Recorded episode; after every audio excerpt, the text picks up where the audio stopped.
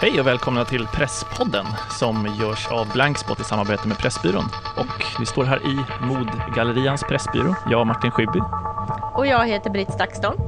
Och det har blivit eh, sommar nästan. Ja. kan man säga. Sen vi såg sist. Ja. Ja. Jag har hunnit varit i eh, Togo och kommit tillbaka. Och har lite eh, skrivkramp kanske mitt i, eller hur går det?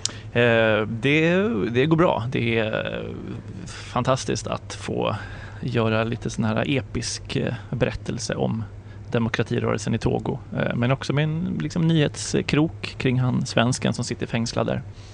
Eh, så att det har varit Nej, men det var en väldigt spännande resa från, på många sätt och vis.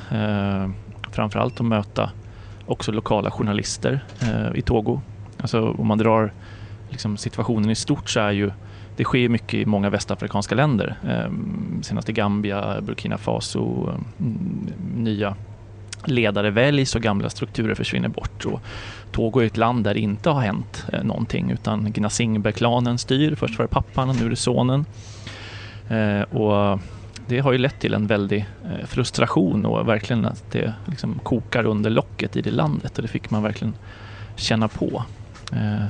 Men, eh, Spännande. Ja, verkligen. Och det, jag tänker bara på vad en journalist där sa till mig att om man blir, skulle, om man blir en bra journalist i Togo så tar det tio år, sa han. För att i början så eh, kommer alla liksom räkna ut dig men om du ändå fortsätter att publicera och lyckas eh, så kommer man att, eh, att hota dig. Eh, liksom fysiskt och skriftligt och på alla sätt hota dig till tystnad.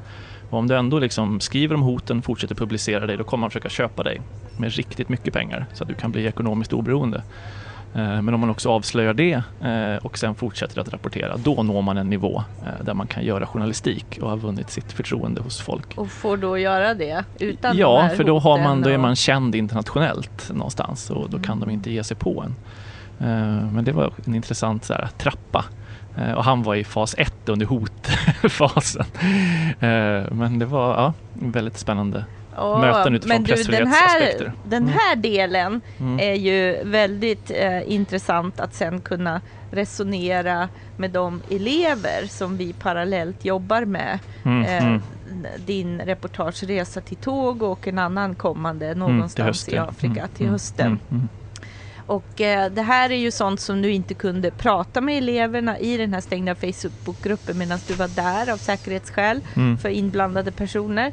Men tänk dig att eh, resonera om de här sakerna, Mm, mm, alltså mm. journalistikens olika Mm. villkor. Prata om förtroendekrisen i Sverige för medier, finns den, finns den Mm, inte? mm, mm. Eh, hur ser verkligheten ut för journalister i till exempel Togo? Ja, verkligen. Det blir ju jättespännande.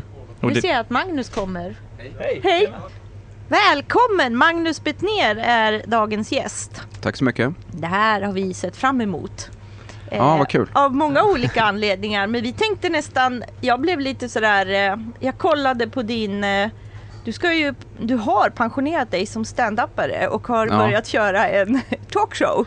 Ja, precis. Eller jag, jag tar i alla fall en lång paus ifrån standupen och eh, ska göra lite annat tänkte jag. Eh, och en av de grejerna blir förmodligen den här talkshowen som jag och en eh, kompis som heter Fredrik Kronman gör.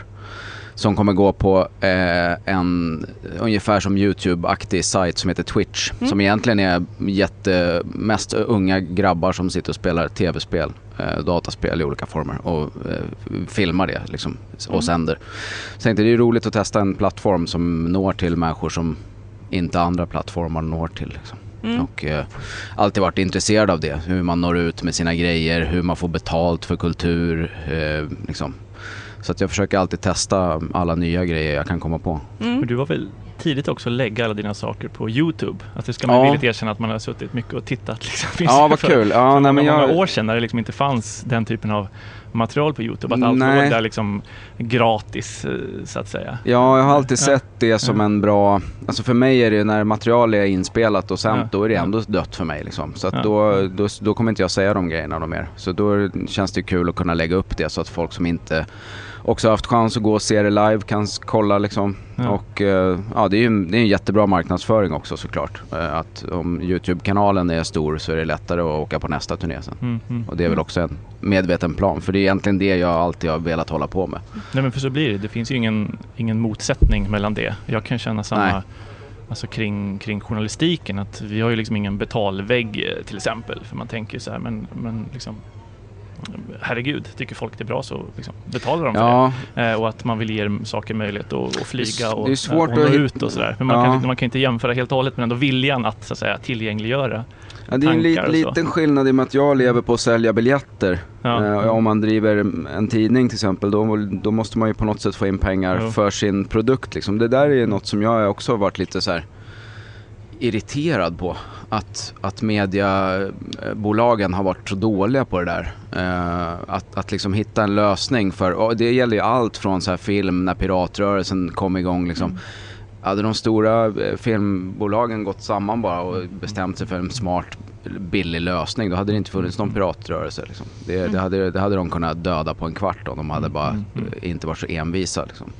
Och lite tycker jag media har väl samma lidit lite av samma grej. Så här, först, ja, men nu ska allt vara gratis och Ja. sen, men nu ska vi börja ta betalt. Ja, Ja, men det är precis, klart ja, du inte kan ja. göra så. Det är Nej, ingen som kommer börja betala för saker som har varit gratis. Nej, Liksom. Det, det, är väl, det är svårt att... Och nu i dessa tider, extremt dumt att liksom lägga allt, all kvalitetsjournalistik bakom betalvägg. Liksom. Ja, Så att det är klart man kan ta betalt för journalistik men det känns lite sent och lite fel just nu. Ja, och framförallt om man har såna här liksom klick magneter som också är, handlar om någon som är bra liksom, handlar om någonting. Då är det ju jättedumt att lägga den grejen bakom en betalvägg för den är ju bara Mm, aktuell mm. under en dag. Och det enda som händer, eller två dagar kanske, det enda som händer när man kommer till den där betalväggen det är att man blir sur. Och, och Mm. skiter i att det kostar en krona eller vad det står liksom. Mm. Eh, jag menar inte ens jag som, jag, jag prenumererar på DN och när deras betalvägg kommer upp för att jag inte har orkat logga in, då orkar inte ens jag göra det som redan är prenumerant. Liksom. Du klagar det, över det. Ja, jag klagar över det. Ja. Eh, Och blev dessutom skitförbannad under terrorattentatet när det låg bakom betalvägg när Ja. det var så här skarpt läge Ja. dessutom. Det här är inte bra. Nej. Nej. Nej. det där måste man hitta en bättre lösning för. Jag tänker att man, det man borde försöka göra det är någon slags eh, iTunes eh, store eller Play vad nu Googles variant heter för, för Mm. tidningar liksom. Mm. Jag vet att eh, Steve Jobs höll på att jobba på en sån lösning precis innan han dog. Så att hade Mm. han fått leva något år till kanske vi hade haft Hade vi ett haft bättre medieklimat. Vi får- Ja, och sen finns ju inte. den där Blendel, är väl lite i den här raden. eh, Det finns ju att många man- som har försökt. Ja, man Spotify försöker. för news. Ja, eh, exakt. Mm. Ja. Ja.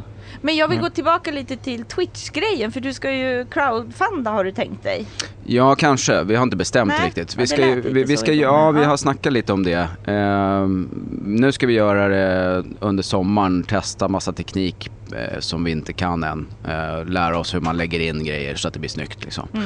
Mm. Och sen till hösten får vi se om vi tycker att det är kul och de som tittar tycker att det är kul. Då kanske vi testar någon slags crowdfunding eh, Mm. grej. Det är liksom det Mm. enda sättet som jag inte har testat.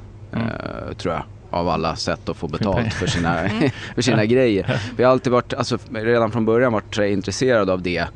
Hur ska, vi, hur ska artister leva på sin, på sin konst liksom? Oavsett om det är musik Mm. eller författare, vad som helst. Och jag har alltid försökt testa de nya eh, vägarna. Eh, crowdfunding tycker jag är superspännande men jag har inte, hit, jag har inte haft något projekt där jag har själv tyckt att det har passat för mig att testa det. Mm. Mm. Så att, kanske att det blir det nu. Kan vi ju- ha ett extra snack om. Du får slå Ja. vårt. Vi har ju ett nordiskt rekord Jaha, i antalet backare i en crowdfunding-kampanj. Kul. Så det kan du ju sikta Ja. på att slå. Det kommer Ja. han lätt slå säger jag. Det har du redan Faktiskt. slagit. Men vi har många ju lite insikter vi kan dela med oss vid tillfälle. Liksom, så. ja det är ju Men, men det jag tyckte var väldigt kul Nej. när jag lyssnade på det här pilotavsnittet ni körde igår. Det var dina resonemang om att just vara, precis som du nämnde, att gå ut på en plattform där man vanligtvis inte har det här innehållet men köra sin grej. Ja, Det gillade jag, liksom. Att, att eh, därmed också hitta, hitta nya, fast i andra sammanhang. Och så testar man, kommer de gilla det här eller inte? Ja. Ja men jag tror att det finns otroligt mycket möjligheter som man inte tar vara på för att man är också lite lat sådär. Man, det är Mm, lättare att göra som man alltid har gjort. Eh, och så, har väl jag, så är väl jag också ibland. Men jag tror att det finns mycket möjligheter att nå. Ja, men som jag hade ett ganska långtgående projekt att hänga på den här sajten som heter Ask. Där Mm. också bara är, de är ännu yngre liksom. Mm. Det är, det är liksom 14-15-åringar som hänger där och då ställer frågor till varandra. Mm.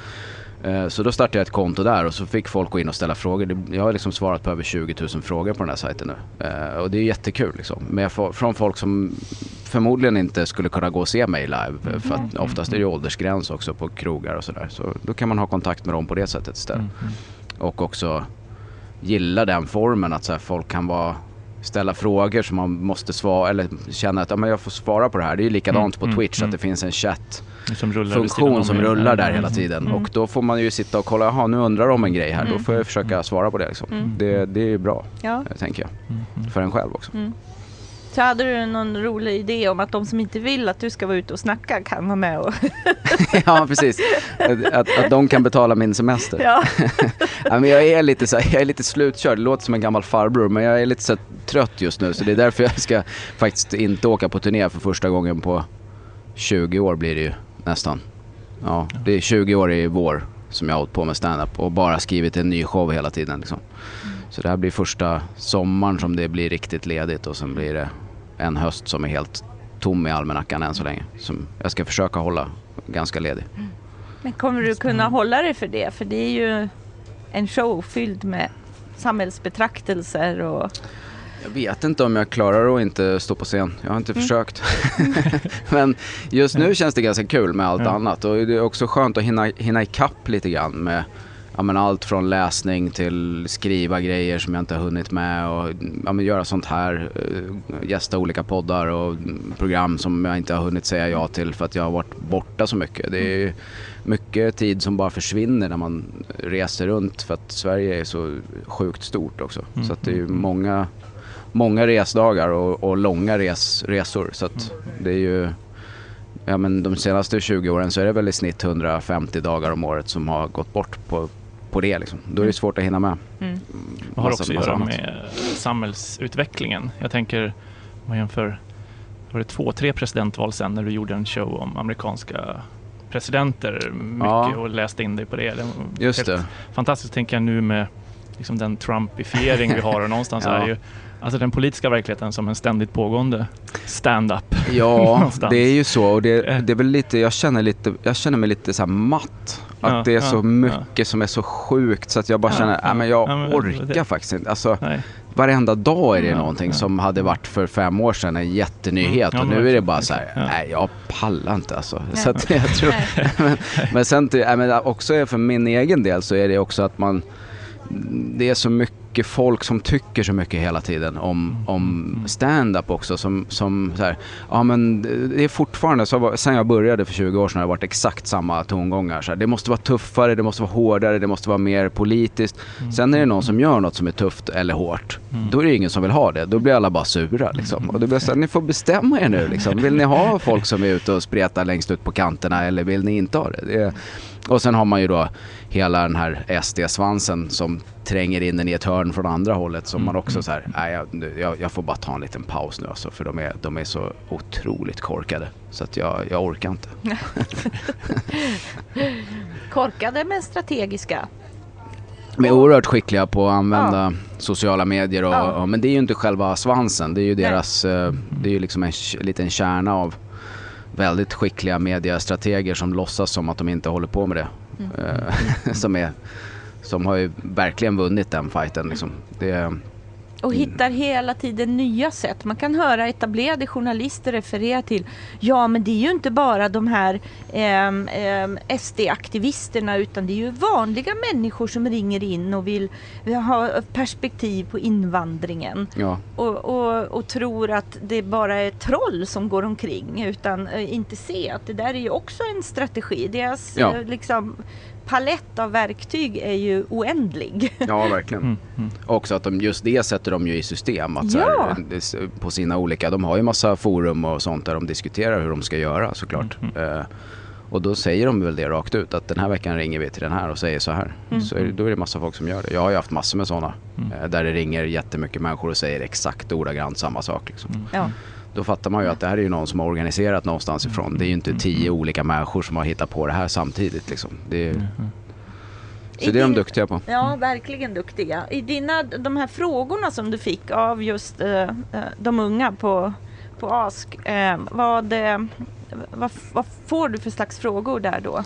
Det där har det verkligen varit högt och lågt allt möjligt. Eh, jättemycket relationer och hur får man kompisar och eh, sådana där liksom ungdoms, klassiska ungdomsfrågor. Mobbing och kläder och allt sånt där. Men sen också jättemycket politik såklart. Och, mm. Att de undrar så men den här människan säger att du ljuger. Eh, kan du visa hur det är? Liksom. Och så mm. gör man det och så kommer det tio nya som säger att man ljuger och så får man hålla på med det. Liksom. Det är ju så det har blivit. Det mm. spelar liksom ingen roll om man har rätt eller inte. Om Nej. någon annan har bestämt sig för att man har fel, då har man mm. fel tills ja, för alltid liksom. Det, det är bara så. Det går liksom inte att vinna längre. Det är, det är bara, det är bara att fortsätta dunka pannan i väggen känns det som. Ja. men, men det läskiga är att det är liksom uthålligheten som blir en faktor här liksom. Ja, så är det ju. Eh, eh och sen eh, liksom medieaktörer som känner sig sjukt pressade och som vill fånga upp det som är snackisar och så. Ja. Eh, och, och, det tror jag det är, är det som möter mycket Ja, och, och det tror jag inte heller är särskilt bra. Uh, och inte, det är ju inte bara medieaktörer som gör det. ser man ju på politiken nu, liksom vad som har hänt. Där har ju också SD verkligen vunnit. De har ju fått det att bara handla om deras frågor. Mm. Uh, de senaste 6-7 åren har vi inte snackat om någonting annat. Nej. Nej, samtidigt uh, som vi pratar om att vi inte pratar om ja, det. Liksom. Så de har ju, de har ju, de har ju verkligen vunnit på alla sätt och vis. Liksom. Helt galet! Ja. Ja. det är helt sjukt alltså. Men det, och det är just den där, eh, den där att de, det är ju en risk alltså att de lyckas också tysta folk för att det är ju skitjobbigt att mm. stå i en mm. sån där eh, hatstorm som mm. det är liksom, när de sätter igång. Och jag kan tänka mig att om man inte är så van vid det, mm. om man är liksom journalist på någon mindre tidning, skriver någon krönika som de, det är nog rätt ovant liksom att få så här tusen människor som mejlar, facebookar, messar, ringer, då är man, blir man nog skraj tänker jag. Ja, eh, och det är ju därför alla andra partier inte har gjort det. De har ju fler medlemmar och ja. hade från första början också kunnat agera. Centerpartiet hade kunnat komma 20 000 och snackat när någon pratar småföretagarfrågor eller något, ja. vad vet jag liksom med den här aggressiva tonen. Ja. Alltså, det, det, är ju liksom en, en, en strategi som skrämmer till tystnad och de valde ju att, partierna valde ju att helt kliva bort från det för att man tycker att det inte är demokratiskt. Mm, Men det är ju det mm, här som är det jobbiga att vi 2017 börjar se eh, liksom priset av de som väljer att lira på ett icke-demokratiskt sätt och hur ja. de vinner mark. Ja. Liksom. Mm.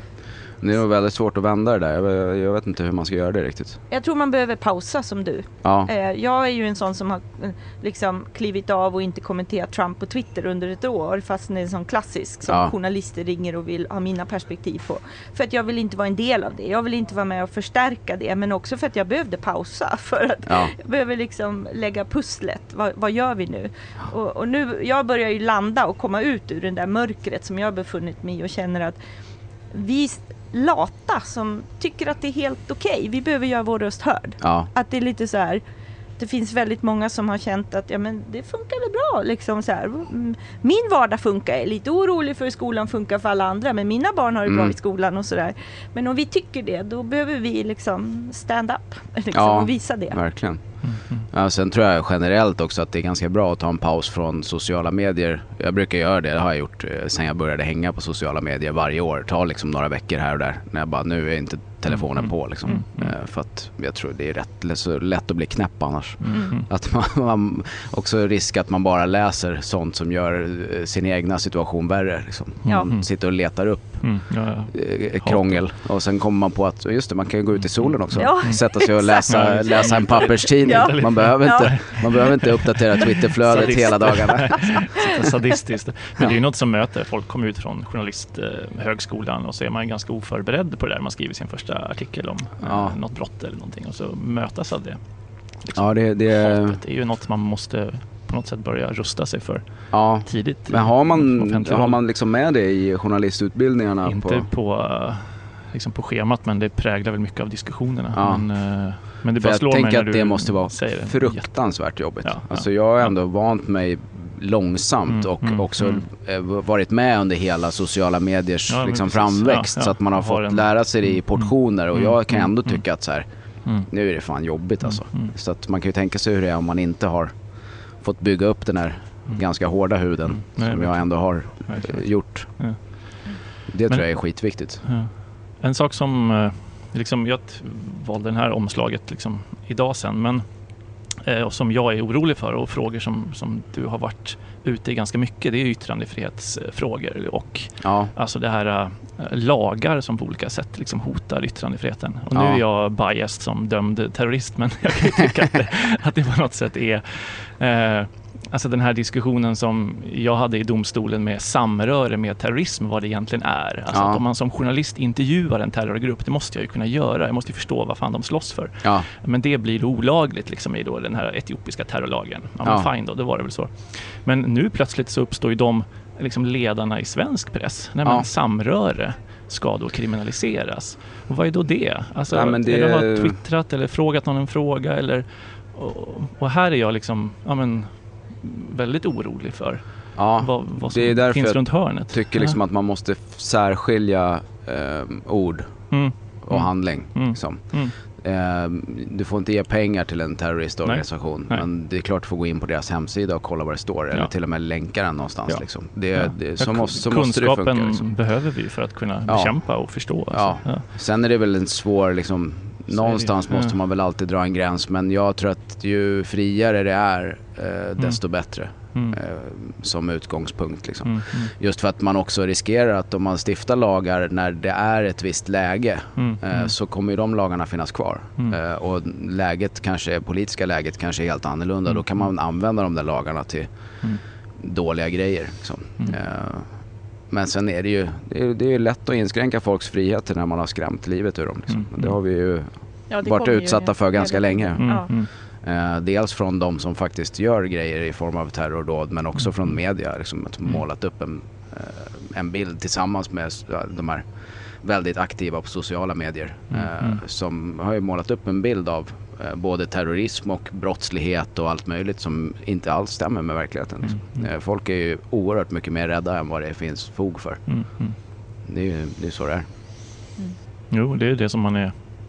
Tänkte vi pratade precis innan här att jag var ju i Togo nu senast gjorde reportage för någon, för någon vecka sedan. Men det man är rädd för där nu det är att det ska komma någon och knacka en på axeln och säga att Nej, men den här organisationen som hanterar tortyroffer, det är förbjudet att intervjua dem. Ja. Det är kriminellt. Ja. Du får inte prata med dem. Eh, ut, liksom, ut härifrån. Alltså den, och så tänkte ju liksom, man ju aldrig bara för några år sedan, alltså när man Nej. jobbade i fält, att så här, Det Men, blir ju extra eh, konstigt ja. om inte, alltså om man nu bestämmer sig för att ha en sån lag Mm, mm. eh, på demokratisk väg, då måste man ju i alla fall undanta journalistik från den. Liksom.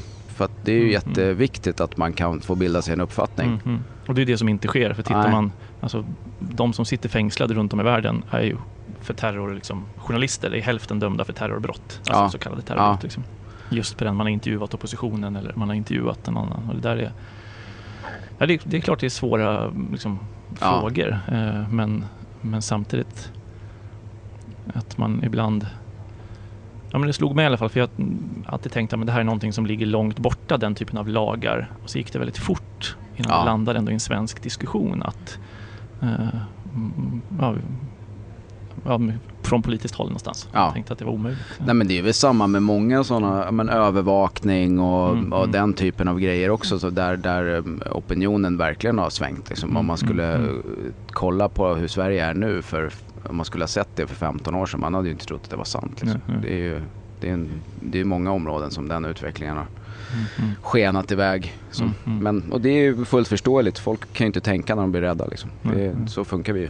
Mm. Eh, då kommer man ju fatta fel beslut såklart. Liksom. Mm, mm. Det- Och rätt många krafter som är, tjänar på att skrämma livet ur oss också. Så att, eh, det är svårt att, svårt att värja sig mot det. Mm, mm. Liksom. Men är det inte just där som, som liksom, du och kollegor behövs? alltså, Som en ventil. Jag tänker på eh, när du var runt nu med Skam för Sverige, liksom totalt utsålt. Alltså, det finns ju ett jättebehov att bara få ja garva åt det här. Alltså någon Det ventil eller få ur sig det här som man inte då hittar politiskt eller kanske journalistiskt. Nej men så är det ju. Där håll. tror jag verkligen stand-up fyller Ja. en stor Ja. funktion. Men Ja. det är också det som är, eh, alltså gör man det, då vet man också att idag, Mm. eh, om jag snackar om terrordådet på Drottninggatan, Mm, mm, då kommer jag också få asmycket kritik för det. Oavsett mm, vad jag mm, säger.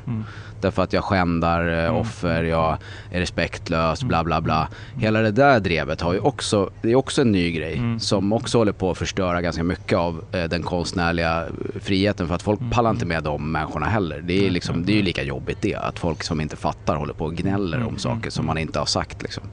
Mm. Så det är också en svår, eh, svår grej tror Mm. jag för många, som- särskilt många nya kanske. När de gör en grej som får medial uppmärksamhet då blir de helt överösta av det där också. Mm. Eh, de, de dreven är ju lika jobbiga de. Mm. Liksom. Och de, de kommer också oftare Mm. nu och, och med mycket större kraft. Liksom. Mm. Förr då var det väl två, tre mejl liksom, när man hade sagt någonting om något som kunde vara känsligt. Mm, mm. Nu är det ju Du har ju sagt eller skojat med folk som vill ha så här trigger warnings till din show ungefär. Ja, Som får ja. så här vansinnes Ja. PK om man får säga så. Eller, ja. Ja men det finns ju ja. jättemånga sådana. Ja, Alltså, ja, man, man, man tänkte ju i början när det där började Ja, hända så här, ja. vad, vad är det som händer liksom? Vad, Ja. konst, vad konstigt de beter sig liksom. Men det är ju inget, det finns ju asmånga sådana som, Ja. som skickar liksom jättelånga mejl om eh, vilken hemsk människa man är för att man har könat en person i en eh, rutin. Liksom. Mm. Så, men alltså, jag måste väl få berätta mina historier utan att behöva vända och vrida på varenda litet ord eh, så att det ska bli helt perfekt. Liksom. Men nej, det är, det är många som inte förstår det. Mm. Men hur eh, orkar man med det? Eh, ja, men jag orkar ju inte med det tydligen. Nej, nej det tog 20 år Det ändå. tog 20 år liksom. 20 års kamp. Nej men det gör, jo, men det gör jag nog. Eh, Jag, och det är inte som att jag inte kommer att eh, finnas i debatten heller. Nej, jag nej. kommer ju fortsätta Ja, att hänga på sociala medier och jobba mycket med, ja, men med Twitch och YouTube och kanske någon podcast-idé och sådär. Jag har Mm, massa grejer. Det är bara att jag inte ska åka på turné på ett tag. Mm. För att, ja, det, den, den biten sliter ganska mycket också. Mm. Vill vara hemma lite med familjen och man börjar bli gammal. Mm. Så. Men koppla ner från sociala medier ibland bra grej. Men vad gör, vad, liksom, vad gör du mer? Terapia med familjen eller Ja. har du nu förmågan att bara Eh, kasta bort det liksom? Nej, jag har, det är väl mest vänner som jag har, som jag snackar. Jag försöker att inte blanda in familjen så mycket. Nej. Om jag mår dåligt över att eh, jag får mycket hat så vill jag inte att de ska veta det. Eh, Nej. Sen klart, de fattar ju det liksom. Ja. Men Mm. Mm. min dotter är 12 så hon är ganska i en känslig ålder för det där Mm. också. Mm. Att någon inte tycker om hennes pappa. Det är fortfarande, Mm. det är fortfarande dåligt. Ja. Om, om två år så kommer hon ju vara på deras sida. Så att, Ja, Men än så länge så, så är det så. Men eh, nej men det, det tror jag är, är viktigt att man har folk att snacka med. Liksom. Men sen också att bara viktigaste är nog bara att så här, koppla bort och sen Mm. eh, använda hjärnan till andra grejer. Eh, försöka att inte snurra in sig för mycket i vad folk tycker och tänker om det man gör utan bara köra på. Så. Mm. Mm. Vi har ju vår liksom, gemensamma tråd. Eh, man kan ju säga att du är journalist, jag är PR-konsult. När vi träffades i alla fall. Mm. Nu har vi ju blankspot tillsammans och så. Men eh, den röda tråden är ju liksom vår idé om att försöka bidra till eh, eh, en, en samhällsutveckling, visa på perspektiv, visa på eh, en massa skeenden på olika sätt och vis. Och i det så har vi nu förmånen att få vara ute på skolor. Ja. Eh, Mm, och då mm. kör vi det är ett, ett, ett projekt som ska få eleverna att dels bli lite mer mediekunniga, så det faller inom ramen för det här medie och informationskunnighet. Men framförallt handlar det om att de ska följa Martin i fält och då Mhm. förstå hur journalistiken görs. Men eh, det är ju otroligt lyxigt eh, för mig som mediestrateg att få prata medievanor med eh, eleverna och få dem att reflektera över den otroligt förmånliga jag menar, situation vi har med yttrandefriheten och vad Ja. värdefull den är och hur vi hanterar den. Och då tänker jag mig, det är lätt att se framför sig att både journalister och, och du och dina kollegor i, i ert jobb har liksom svårt att hantera haten och hoten. Men jag tänker mig alla de som faktiskt vill utnyttja eh, sin plattform, för det är ju den största magin med nätet, att det är så lätt att hitta sin flock liksom, Ja. andra människor där du vill förändra något i det lilla. Och då är man ju rädd att det den ton som finns på nätet och de krafter som finns bakom med att trycka ner Ja. gör det. Så, så det där funderar vi så mycket över hur vi verkligen kan stärka eleverna att både bli journalistikens försvarare nästa Mm, gång de mm, hör sina mm. föräldrar säga att det där är ju bara vinklad journalistik och liksom det här är bara skräp och så. Att de försvarar det på samma Mm. sätt som man ifrågasätter rasism eller homofobi eller någonting. Ja. För att de har den kunskapen. Men jag är ju bekymrad över att det är så lätt att trycka till. Ja. Och då tänker jag mig att du i en sån här frågesession som du refererar till har en roll men också i, det, i, din, i, i den, ditt konstutövande också. Att det är så viktigt att peppa människor till att våga ta plats. ja. Jo, men det tror jag är jätteviktigt också. Och också att stötta varandra. Liksom att när folk skriver taskiga saker så går Ja. jag går in och säga. Det betyder ju väldigt mycket om någon annan går in och säger hallå, Mm. vad håller du på med? Ja. Liksom. Eh, och det är ju eh, unga människor rätt dåliga på tror jag. Mm, mm. Eh, de är väldigt bra på att vara taskiga mot varandra. Eh, ännu mer på nätet såklart. Men eh, inte, inte så bra på att säga emot. Eh, det tror jag verkligen att både de och vi som är lite äldre kan börja tänka på. Som, att, att man också in, inte låter någon stå där själv i fighten. Liksom. Eh, och det har ju hänt ganska mycket med det. Som det- den här Facebookgruppen eh, som heter eh, Jag är här ja, Mm. till exempel. Mm. Ja. Eh, som säger, ja men hörni, nu är det en som har sagt en grej och har det lite tufft. Ska vi gå in och eh, säga eh, Mm, att mm. vi är många här? Ja. Eh, och det, det, de har varit inne på någon grej jag hade skrivit och då känner man ju så här.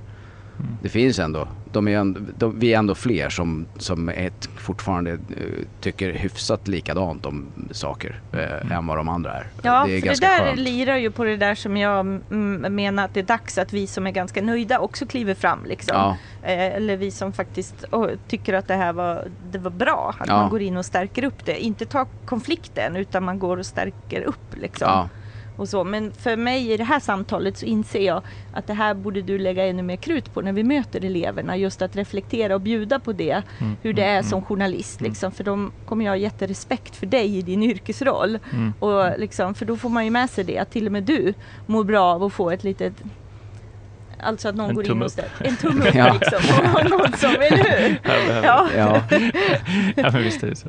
Visst är det så. Eh, jag, jag är också lite eh, nyfiken på hur du liksom håller koll. Vad har du för medievanor? Du nämnde, nämnde DN, men har du annonser Ehm, eller?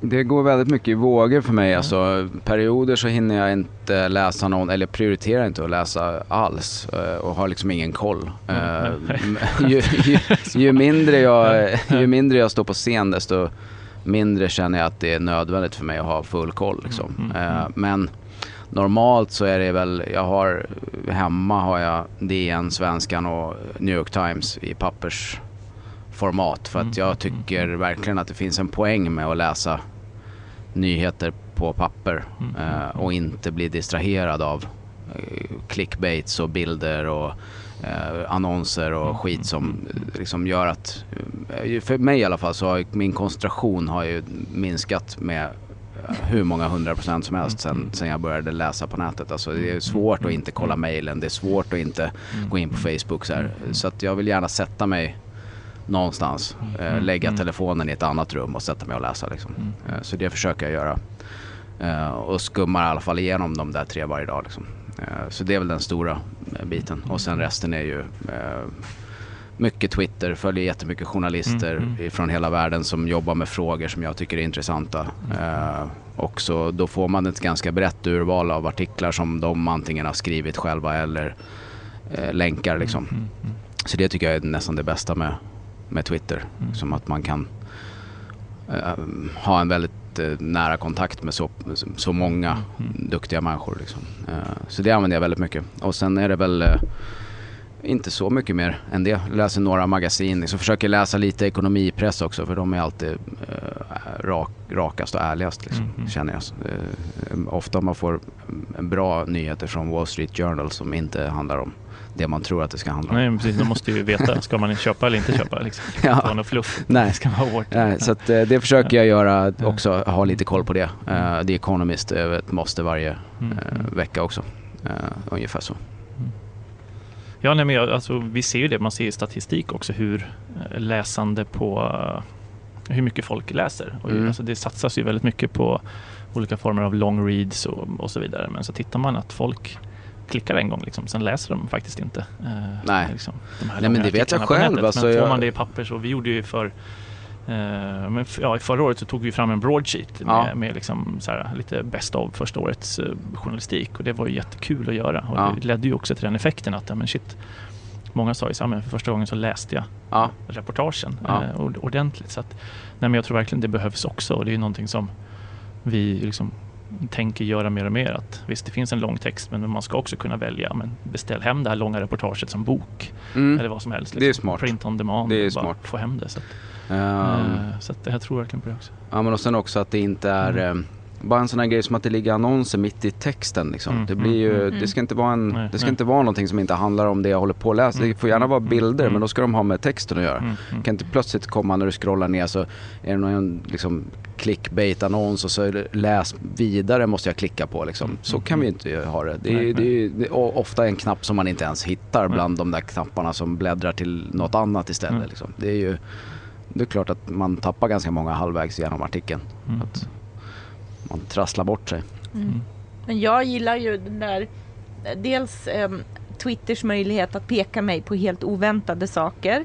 Eh, men det är precis det som är också i att läsa pappers eh, tidningar. Att du faktiskt ser saker du inte hade hittat annars. Och det, Ja. har, man, det Mm, har man ju mm, faktiskt det är inte löst gränssnittsmässigt tycker jag i, i tidningar idag ännu. De digitala varianterna.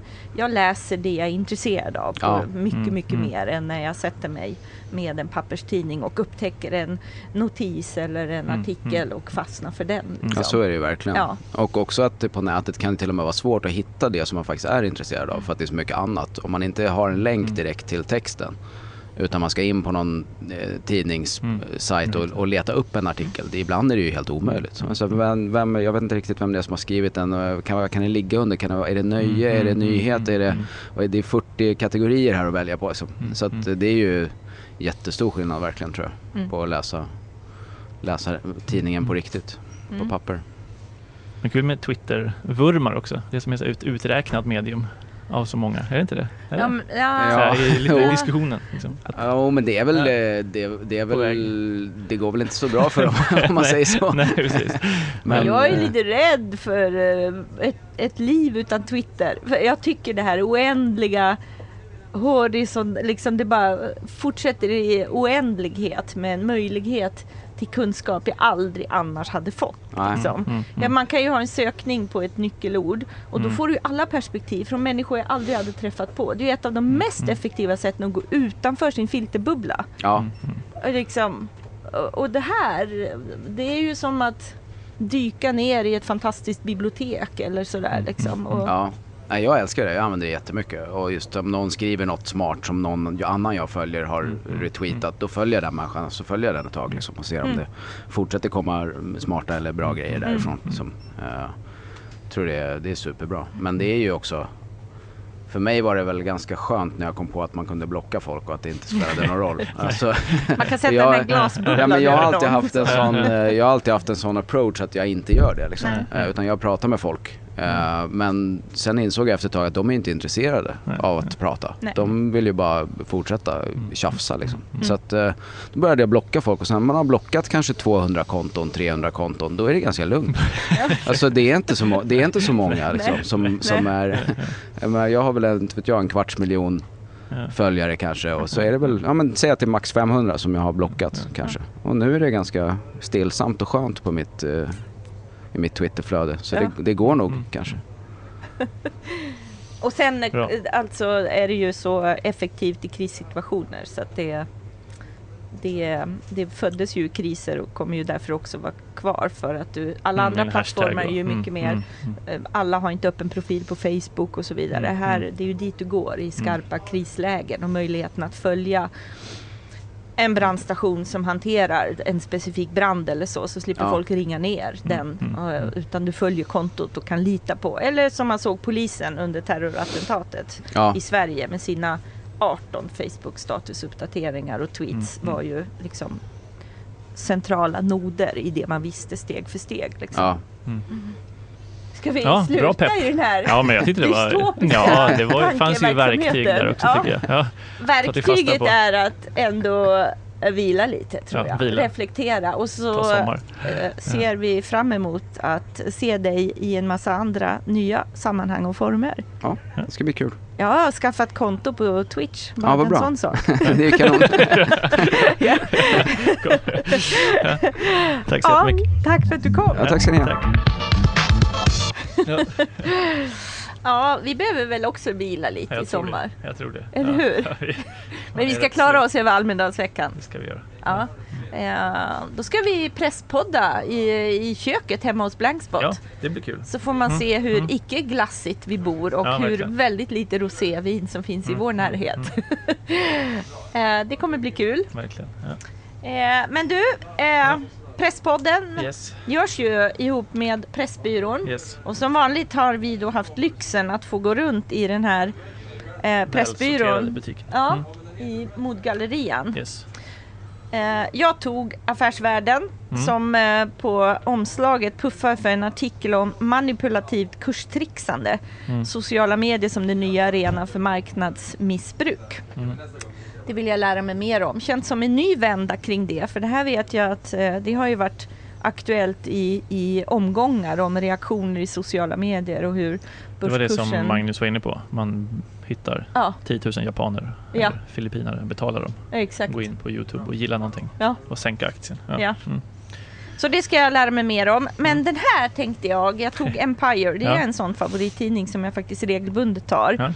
Eh, nu är det Spiderman på omslaget, är jag sjukt ointresserad av. Eh, men så har de ju eh, en liten Twin Peaks-puff, det kan vara kul. Ja. Twin Peaks har jag faktiskt inte hunnit kolla på, tänkte jag göra i sommar. Men eh, Alien finns ju med. Mhm. Den eh, är ju min näst senaste film som jag har sett och det ledde till att då började jag gå igenom hela tidigare Alien-serien och har ju landat dem i... alltså? Exakt! Jaha. Den första filmen är ju så himla bra. Det är Ja. ju ändå så den bästa. Ja, ja.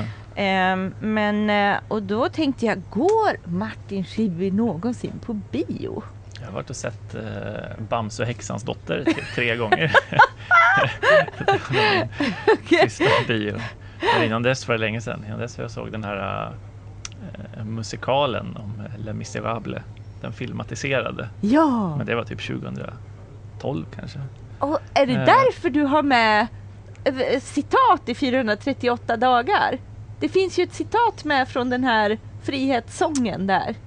Ja, gör det. Det var tanken att det skulle vara, men jag vet inte om det är med. Eller Jo, är det, jo det är med, det vet jag. Ja. Men är det, är det så att det är någon person ni samtalar med eh, som nämner det? Nej, men inte den. Det är Lahain, Medan vi faller. Vi pratar om då.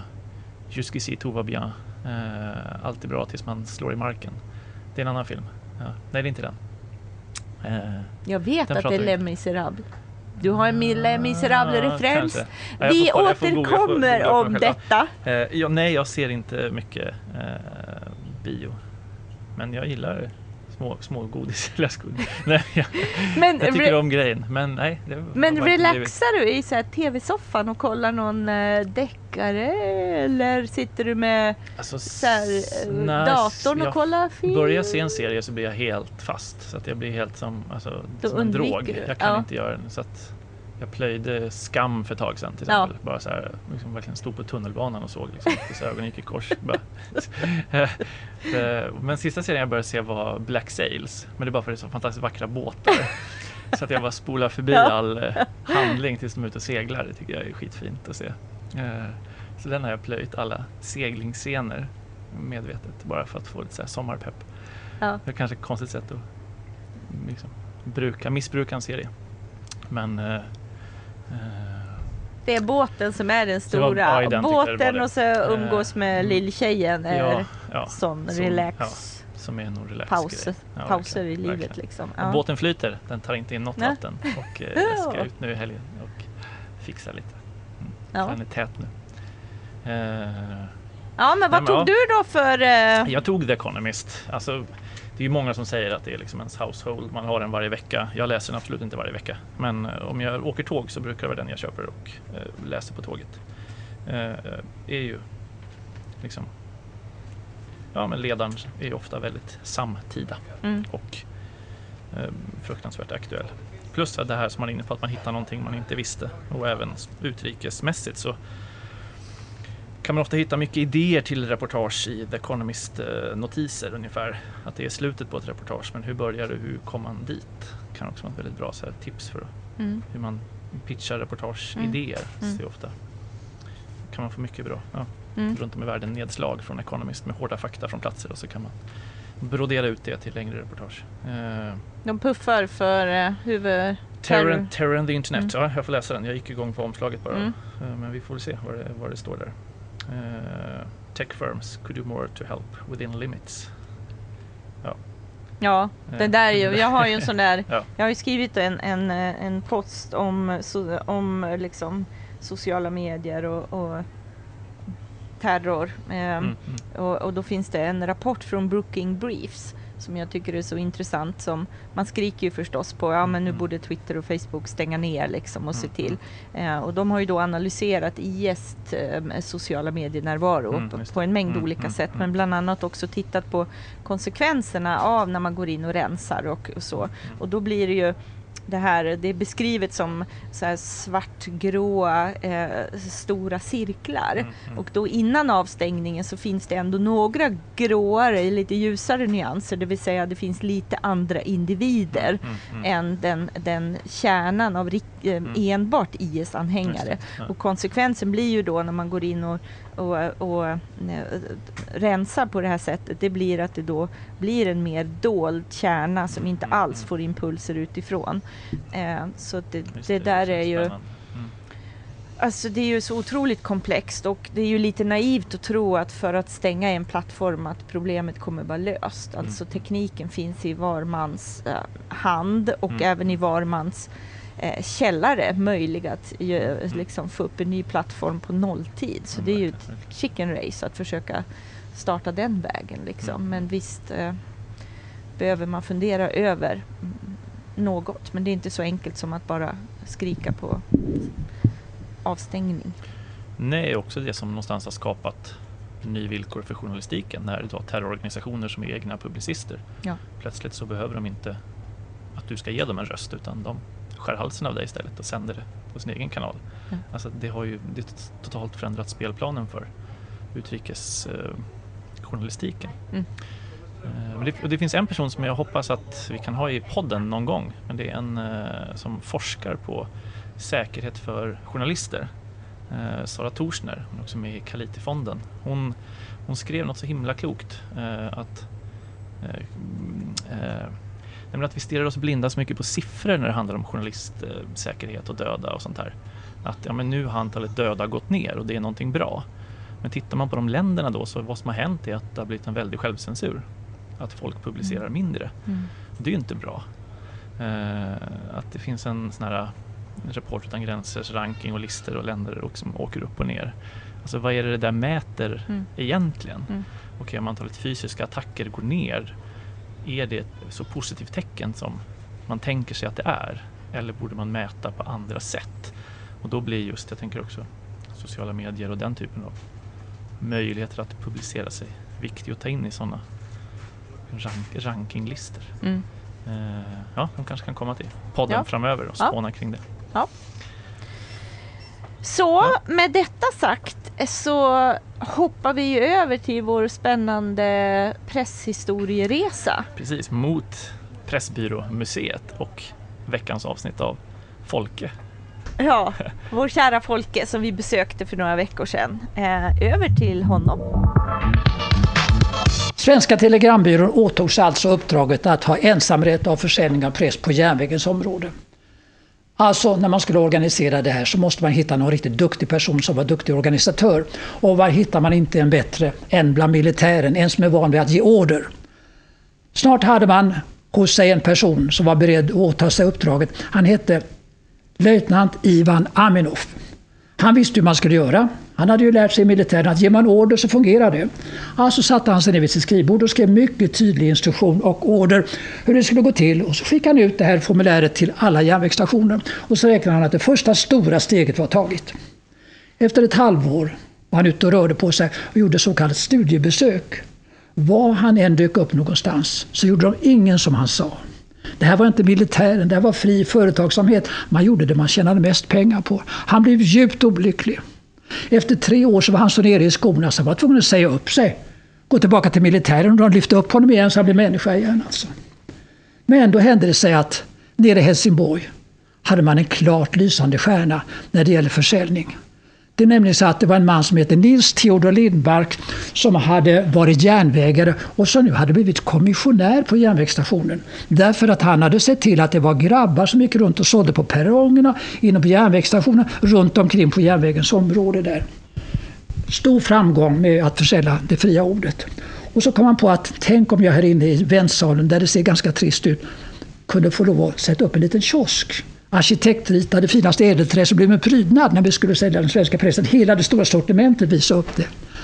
Stinsen tyckte det var en väldigt positiv idé men Stinsen hade inga pengar. Men då säger Nils Theodor, Telegrambyrån har pengarna, huvudsaken jag får platsen här. Snart hade vi alltså en fin tidningskiosk inne på väntsalen inne i Helsingborgs tågstation. Det där gick jättebra. Han fick blodad tand, kom att tänka på att nere på Hamnplan här i Helsingborg där färjorna går över till Helsingör är det för trist alltså, lerigt och damm. Tänk om jag där kunde få bygga en fin tidningskiosk. Han började drömma om en i turkisk stil, så åtta kanter med torn och fyra, en riktig prydnad på Hamnplan. Han går alltså till kommungubbarna, det var bara kommungubbar på den tiden, gick till dem och sålde dem på idén att man skulle bygga en kiosk där. Men här var det likadant med dem. De sa, ja men hur ska vi betala det här då? Telegrambyrån står för kostnaderna. Okej, okay, då får du bygga den. Snart har vi alltså verksamhetens allra första tidningskiosk utanför järnvägens område på Hamnplan i Helsingborg. Och den är alltså åttakantig. Och ni kan inte se den här, men den är fantastiskt fin faktiskt. Den finns inte längre, den är riven nu. Men en motsvarighet till den som gjordes med ledning av de ritningar som fanns, den finns på Skansen, på Breda Blick på Skansen nu. Ja, då eh, står vi här i eh, Pressbyrån i Modgallerian tillsammans med köpman Malin Lövgren som är vår ciceron eh, när det gäller trender och tidningar och brinner passionerat för press och titlar i butiken. Välkommen! Tackar, tackar, tackar. Det är ju sommar, glassförsäljningen har säkert dragit igång, men påverkar det tidnings eh, val av tidskrifter någonting? Att det är sommar och inte vinter, höst eller vår? Kan du se något sånt? Ja men absolut, där kan vi sälja lite annorlunda och eh, någonting som irriterar mig varje sommar. Vad är det? som jag kommer på nu. Eh, det är faktiskt det här att svenska förlag bara lägger allting på is. Mm, mm. Eh, lägger ner hela sin redaktion och, och, tar semester i två, två månader. Och inte kommer ut med några tidningar. Mm. Och det stör mig så enormt för mycket. För precis nu har jag tid att ligga i min lilla ja. hängmatta eller min solstol i Italien eller vad det nu kan vara för någonting. Mm, mm. Eh, det är då som så många kunder kommer in och bara, kommer det inte något nytt nummer utav Mm. den och den och den. Mm. mm. Nej, tyvärr. Nej, nej. Den kommer i slutet på augusti. Alltså jag tycker nästan att det är lite hånfullt också gentemot oss läsare. Mm. Att man inte liksom verkligen tar hand om läsaren under sommaren. Mm. Det är ungefär som att förlagen tror att... att Alla har eh, loggat ut. Och ja, precis. Och det är väldigt, väldigt tråkigt. För det är snarare just det här, det är nu vi får tillbaka lite tid. Mm. Lite egen tid. Så det, det är någonting som är synd. Mm. Men de eh, amerikanska och engelska tidningarna de, de puttrar ju på mm. mm. varje månad eller mm. veckovis eller vad det nu deras utgivning ser ut. Men just svenska förlag, där tror man inte på läsaren tydligen. Det måste vi få ett, en ändring på tycker jag. Mm. Intressant spaning. Den eh, Verkligen. tar vi med oss och skickar eh, som en fråga till hela branschen. Jo men jag känner också alltså, redaktionellt att inte slappna av under sommaren heller kanske, som man ju gör naturligt. Att man tänker, ja men nu ändå mm vem läser på sommaren ungefär. Man går ju ner lite sparlåga och så tänker man att det ska dra igång i augusti och så kommer man igång först i september. Och så. Ja, nej, det, vi tar med oss det verkligen. Mm. Mm. Mm. Bra. Tack Malin. Tack, Tack så jättemycket. Ja. Tack.